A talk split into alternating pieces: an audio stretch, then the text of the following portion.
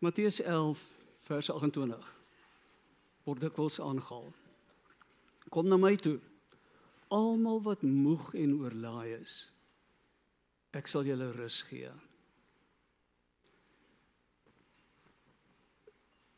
Hierdie vers word dikwels uit konteks aangehaal. Dis nie wat Jesus sê wat daar staan nie.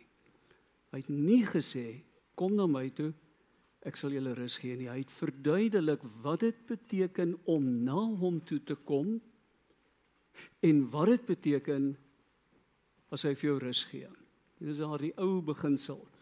Moenie 'n teksvers los lees van die omgewing, die konteks waarin dit staan nie. Kom ons kyk weer daarna Matteus 11 vers 28. Kom na my toe.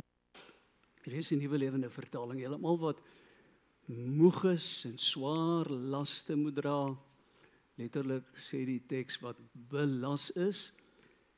En ek sal julle lewens verkoop. Ek sal vir julle rus gee. Ek sal gemoedskalmte vir julle bring. Vers 29. Hoe kom ek na hom toe? Neem my juk skouers. En kom leer van my. Want ek is sag, genadig, vol ontferming en nederig van hart. Nederig te wees in in die Nuwe Testamentiese konteks beteken om te sê ek kan dit nie op my eie doen nie. As die Here nie help nie, kan ek dit nie doen nie. As ek nie in totale afhanklikheid van hom is nie, kan ek dit nie maak nie. Kom leer by my, ek is sag en nederig van hart, jy sal nuwe krag kry. Jy sal moed kry. Kyk mooi, Jesus sê kom na my toe, almal wat moeg en oorlaai is. Wat moet julle kom doen? Kom neem my juk op julle skouers. Wat beteken dit om daardie rus te kry? Kom leer by my. Kom leer wat ek is. En as jy word wat ek is, dan leef jy in verkoeking dan leef jy in rus. Kyk vers 30. Want my juk sal saggies op julle skouers rus. 2020 vertaling sê sal draaglik wees en my las is lig om te dra.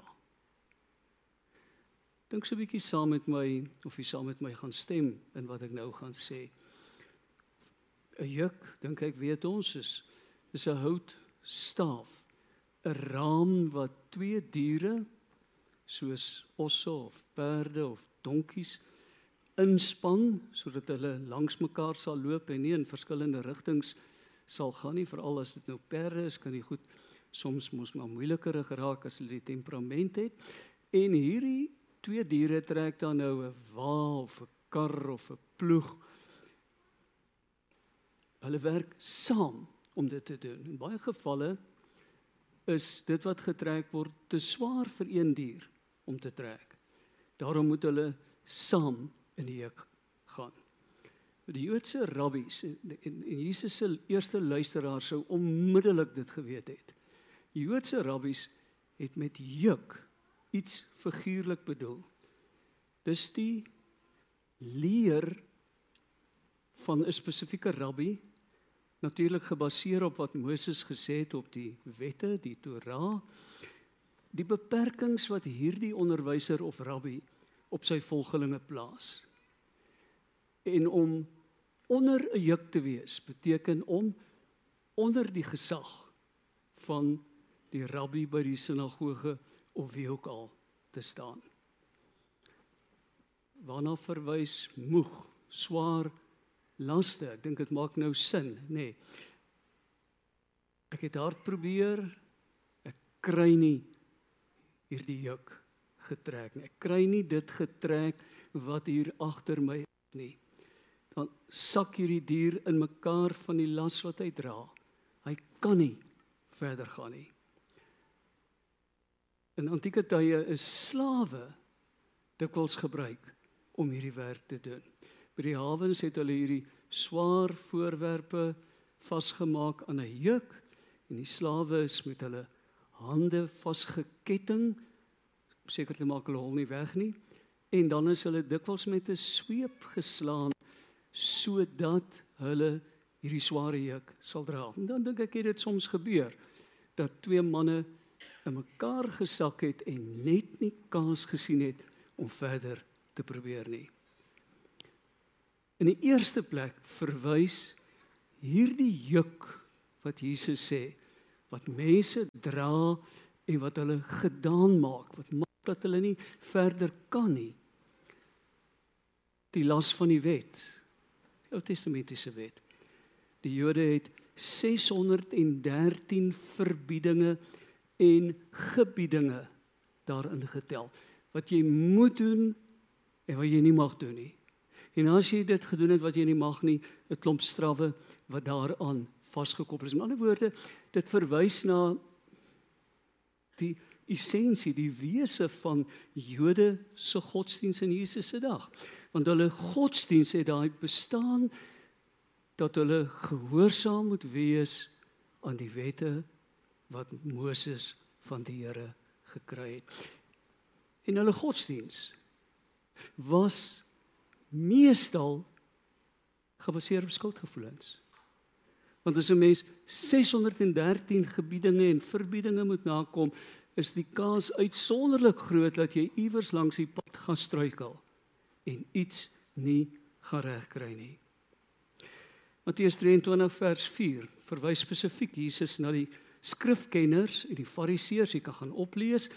Hulle oorlaai die mense met absoluut onmoontlike godsdienstige verpligtinge. Maar verroer nie self 'n vinger om dit uit te voer nie. Godsdiens het nie net in Ou Testamentiese tyd en Jesus se tyd nie, in ons tyd nog steeds dikwels 'n manier geword om onder skuldgevoelens te swoeg. Want jy maak dit net nooit nie. Ek het nou al daarna verwys, skuis as ek dit weer doen, maar baie van ons kom uit neo-kalvinistiese kerke, gereformeerde kerke. En soms leer hulle vir jou jy's in sonde ontvang. Die die daad van konsepsie was reeds al sonde en jy's in sonde gebore. Dis nou eendag wat die psalmdigter Dawid waarskynlik baie depressief was dat hy so iets in 'n psalm gaan skryf het. En jy is 'n sondige wese, jy's swak en ellendig en jy verdien die hel. Dis net die Here wat jou kan red. Klink die boodskap bekend? Dis nie die Bybelse boodskap nie. Jesus dui 'n ander pad aan waarop hy onderworpe is aan 613 reëls nie maar waar die Heilige Gees ons lei waar die Heilige Gees ons lei nie om gebooie en ordonnansies na te kom nie maar sodat die gestalte van Jesus in ons na vore kom. Die werk van die Heilige Gees. Kyk wat sê vers 28 in die toeligtingsbybel. Kom na my toe julle almal wat moeg fisies, geestelik en emosioneel uitgeput is en swaar laste van mensgemaakte wette moet dra. En ek sal vir julle rus, vertroosting, nuwe krag gee. Kom ons vra waarin lê hierdie nuwe krag? Wat is die nuwe rigting moet ons moet loop? Dis nie meer 'n wet nie. Dis 'n persoon. Moenie on jou uiterste bes doen om alles na te kom wat Moses gesê het nie. Kom na my toe. Kom na my toe. Kom leer by my vers 27 in Matteus 11. Vorige twee vorige versie sê niemand ken die seun nie behalwe die Vader en niemand ken die Vader nie behalwe die seun. En elkeen aan wie die seun die Vader wil bekend maak. Ons kan die Vader ken, ons kan God in sy wese ken. Deur Jesus. God se gesig wat op aarde verskyn het. Vers 25 is hy besig om te bid. Jesus besig om te bid. Ek sê vir u dankie dat u die insig in hierdie dinge van die danige slimmes en intelligentes weerhou het en dit oopgemaak het vir hulle wat soos kinders geword het. Vir hulle wat soos kinders geword het. Waaroor word die beeld van kinders by Jesus gebruik? Gelukkig is die eerste saligspreking in Matteus 5. Gelukkig is mense wat weet hoe afhanklik hulle van God is. Want in hulle lewens regeer die Here. Mense wat weet hoe nodig hulle die Here het. Kan jy op my voete staan nie? Ek is nie bedoel om op my eie voete te staan nie, want kom na my toe. En ek sal jou nie net reg ophou nie. Ek sal jou lewe sinvol maak. Ek sal vir jou lewe in oorvloed gee. Mag ek gou-gou onderbreek? Daar's ook 'n derde juk wat ons baie keer dra. Dis die juk nie die oorspronklike sonde nie, maar dis die juk wat jy by 'n klein mensie kry wat sê myne myne self ek sal self gee. Dis 'n gesindheid wat as ons baie eerlik is in die dag onsself mooi in die spieël kyk baie keer ons gedrag bepaal. Ek tree vanuit selfsug op. Ek kyk wat my belange gaan dien. En nou kom Jesus en hy sê solank jy daardie juk saamdra, dra jy nie net verwoesting in jou wêreld in nie. Breek jy nie net mense in die proses nie, Jy breek jouself. En op jou end as jy al die sukses behaal het en op almal getrap het wat wat enigsins kan en jy's heel bo dan vind jy uit ek's 'n ongelukkige mens. My lewe maak nie sin nie. As dit nie is voor hartaanval jou wegvat nie. Jesus se las is 'n maklike las. Is goed. Sit gerieflik op jou. Dit bestaan daaruit om 'n sagge aarde mens te word. 'n Sagmoedige, nederige mens, 'n mens gevul met liefde vir ander. En dit veroorsaak ook 'n gesonde selfliefde. 'n liefde wat 'n mens vir jouself het omdat jy in 'n verhouding met ander mense kan staan wat jou lewe saam sinvol en betekenisvol maak. En ek is oortuig dit is wat Jesus in Johannes 10 vers 10 bedoel het waar hy gesê het ek het gekom sodat jy lewe kan hê en dit in oorvloed. Solank ek in 'n wêreld leef waar ek aan die een kant voortdurend skuldig voel omdat ek nie opleef aan die aan die vereistes wat die Here sogenaamd aan my stel nie. En aan die ander kant kyk wat ek vir myself in die hande kan kry. Het ek in die tussentyd dood geraak. Maar as jy agter my aankom en van my leer en toelaat dat my gees op jou rus en deur my die mense om jou liefhet, gaan nou 'n bietjie meer daaroor sê. Dan bring dit lewe in oorvloed. Of anders gestel, 'n lewe wat die moeite werd is. 'n Lewe waar mense op jou sterfbed eerlik kan terugkyk en sê dit was die moeite werd want die Here was by my en hy het homself al sy liefde en deernis aan ander mense openbaar. Laat die juk van die dood agter. Die dood wat volg wanneer 'n mens bloot in eie diens staan en mense gebruik vir lewe. En Johannes se evangelie verduidelik sit in Jesus se monde die se mond die woorde en dit is die ewige lewe.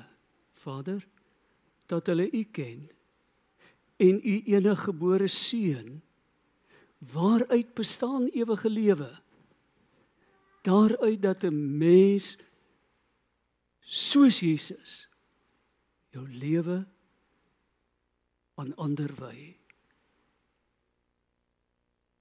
Jou lewe daaraan wy om jou medemens te dien om plek te maak vir die mense om jou. Dien wat verby grense gaan.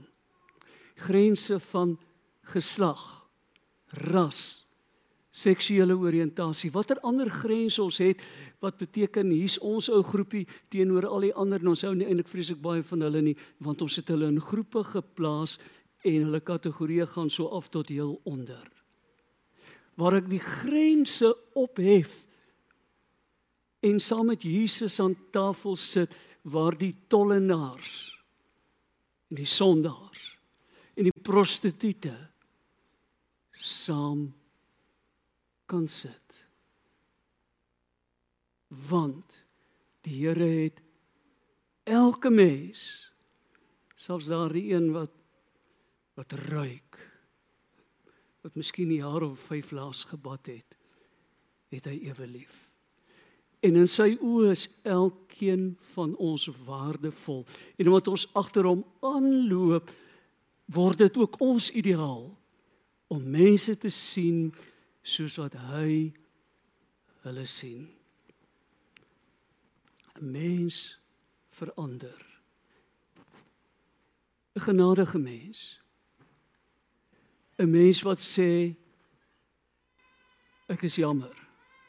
En kom ons sê dit nou maar vir mekaar. Dis soms nodig om te sê ek is jammer. Selfs al was ek nie verkeerd nie. Skus pa, kom knyp jy my? nou heilig omdat ek seer het. Ek is nie bedoel om stil te sit in die kerk nie. Dis soms nodig om te sê vergewe my. Om bedoelende eintlik is jy die skuldige een. Terwille van vrede. Terwille van die kwaliteit van verhoudings wat ek in my lewe inbou, omdat ek die geheim ontdek het wat Jesus kom demonstreer het. Dis deur verander daar te wees om ander mense raak te sien. Hoeveel keer gebeur dit dat mense jare getroud is en op 'n dag agterkom ek is met 'n vreemdeling getroud.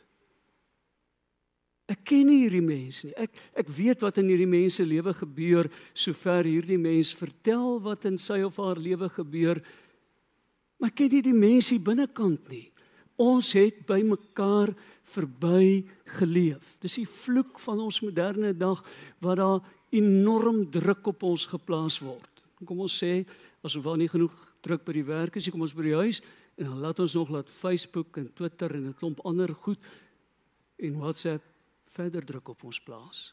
En ons tyd steel sodat ons nie aan tafel vir mekaar kan kyk en in mekaar se oë party daar se seer of bitterheid of frustrasie kan raak sien nie.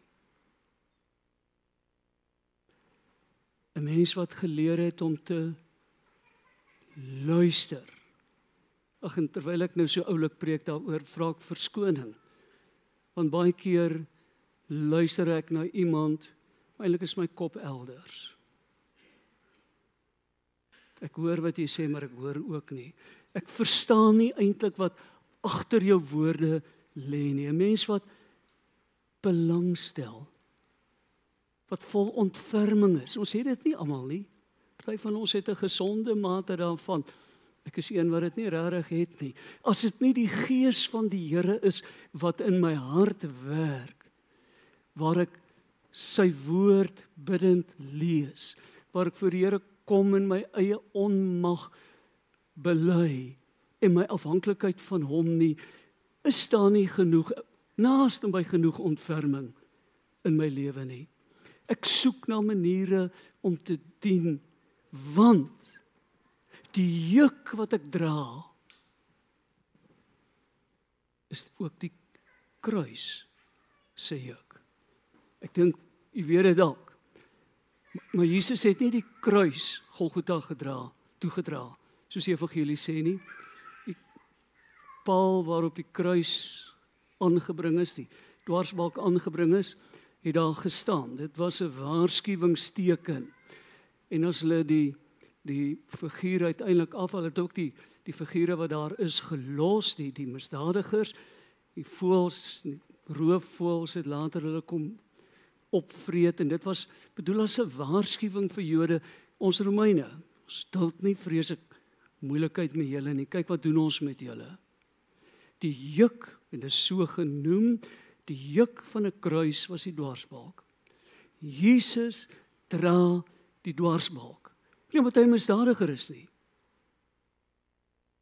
Maar terwyl hulle van mense soos ons. Hy sterf aan homself en hy leef deur ander. Hy's nie op aarde nie.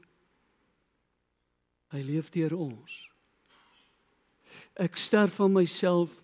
Dink so 'n bietjie daaroor en ek leef deur die mense om my. Lyk my as 'n mens kinders het, is dit nie altyd die waarheid nie, maar as jy klein kinders het en jy bly ver en van hulle, dan vind jy uit hierdie klein goedjies maak jou lewe vol kleur. Vol betekenis. Maar as hulle nou halfdag by jou is en is dogtertjies soos wat ons het, raak dit bietjie ingewikkeld om te luister want hulle hou net nooit op met praat nie, nie waar nie. Ek leef vir ek leef deur ander. Wat ek vanmôre probeer sê, wil ek u nooi om bietjie oor te gaan dink. Wat sal in ons huwelike gebeur?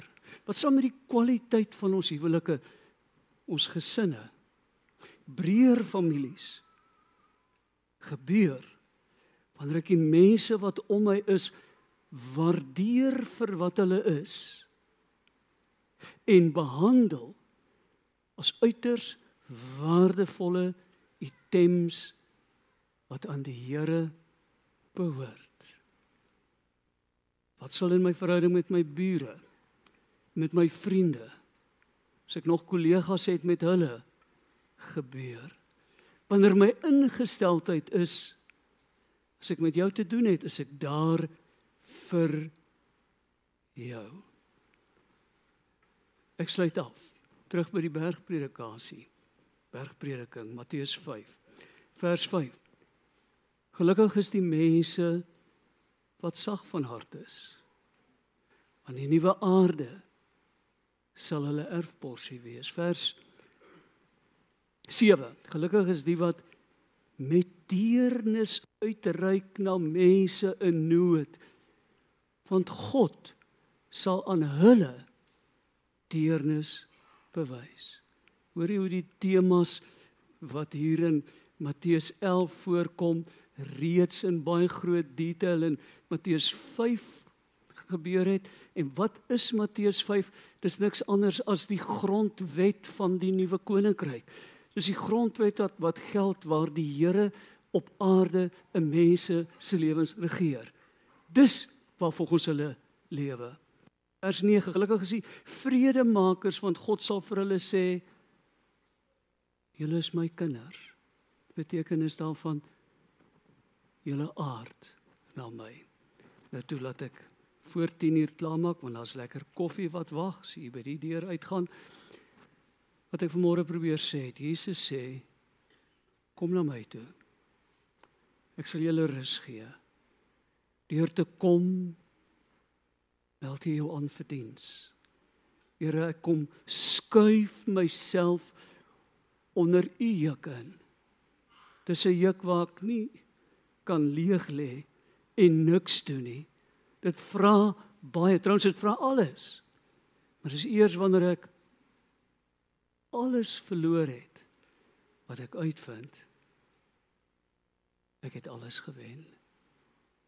My lewe het kleurvol en sinvol geword.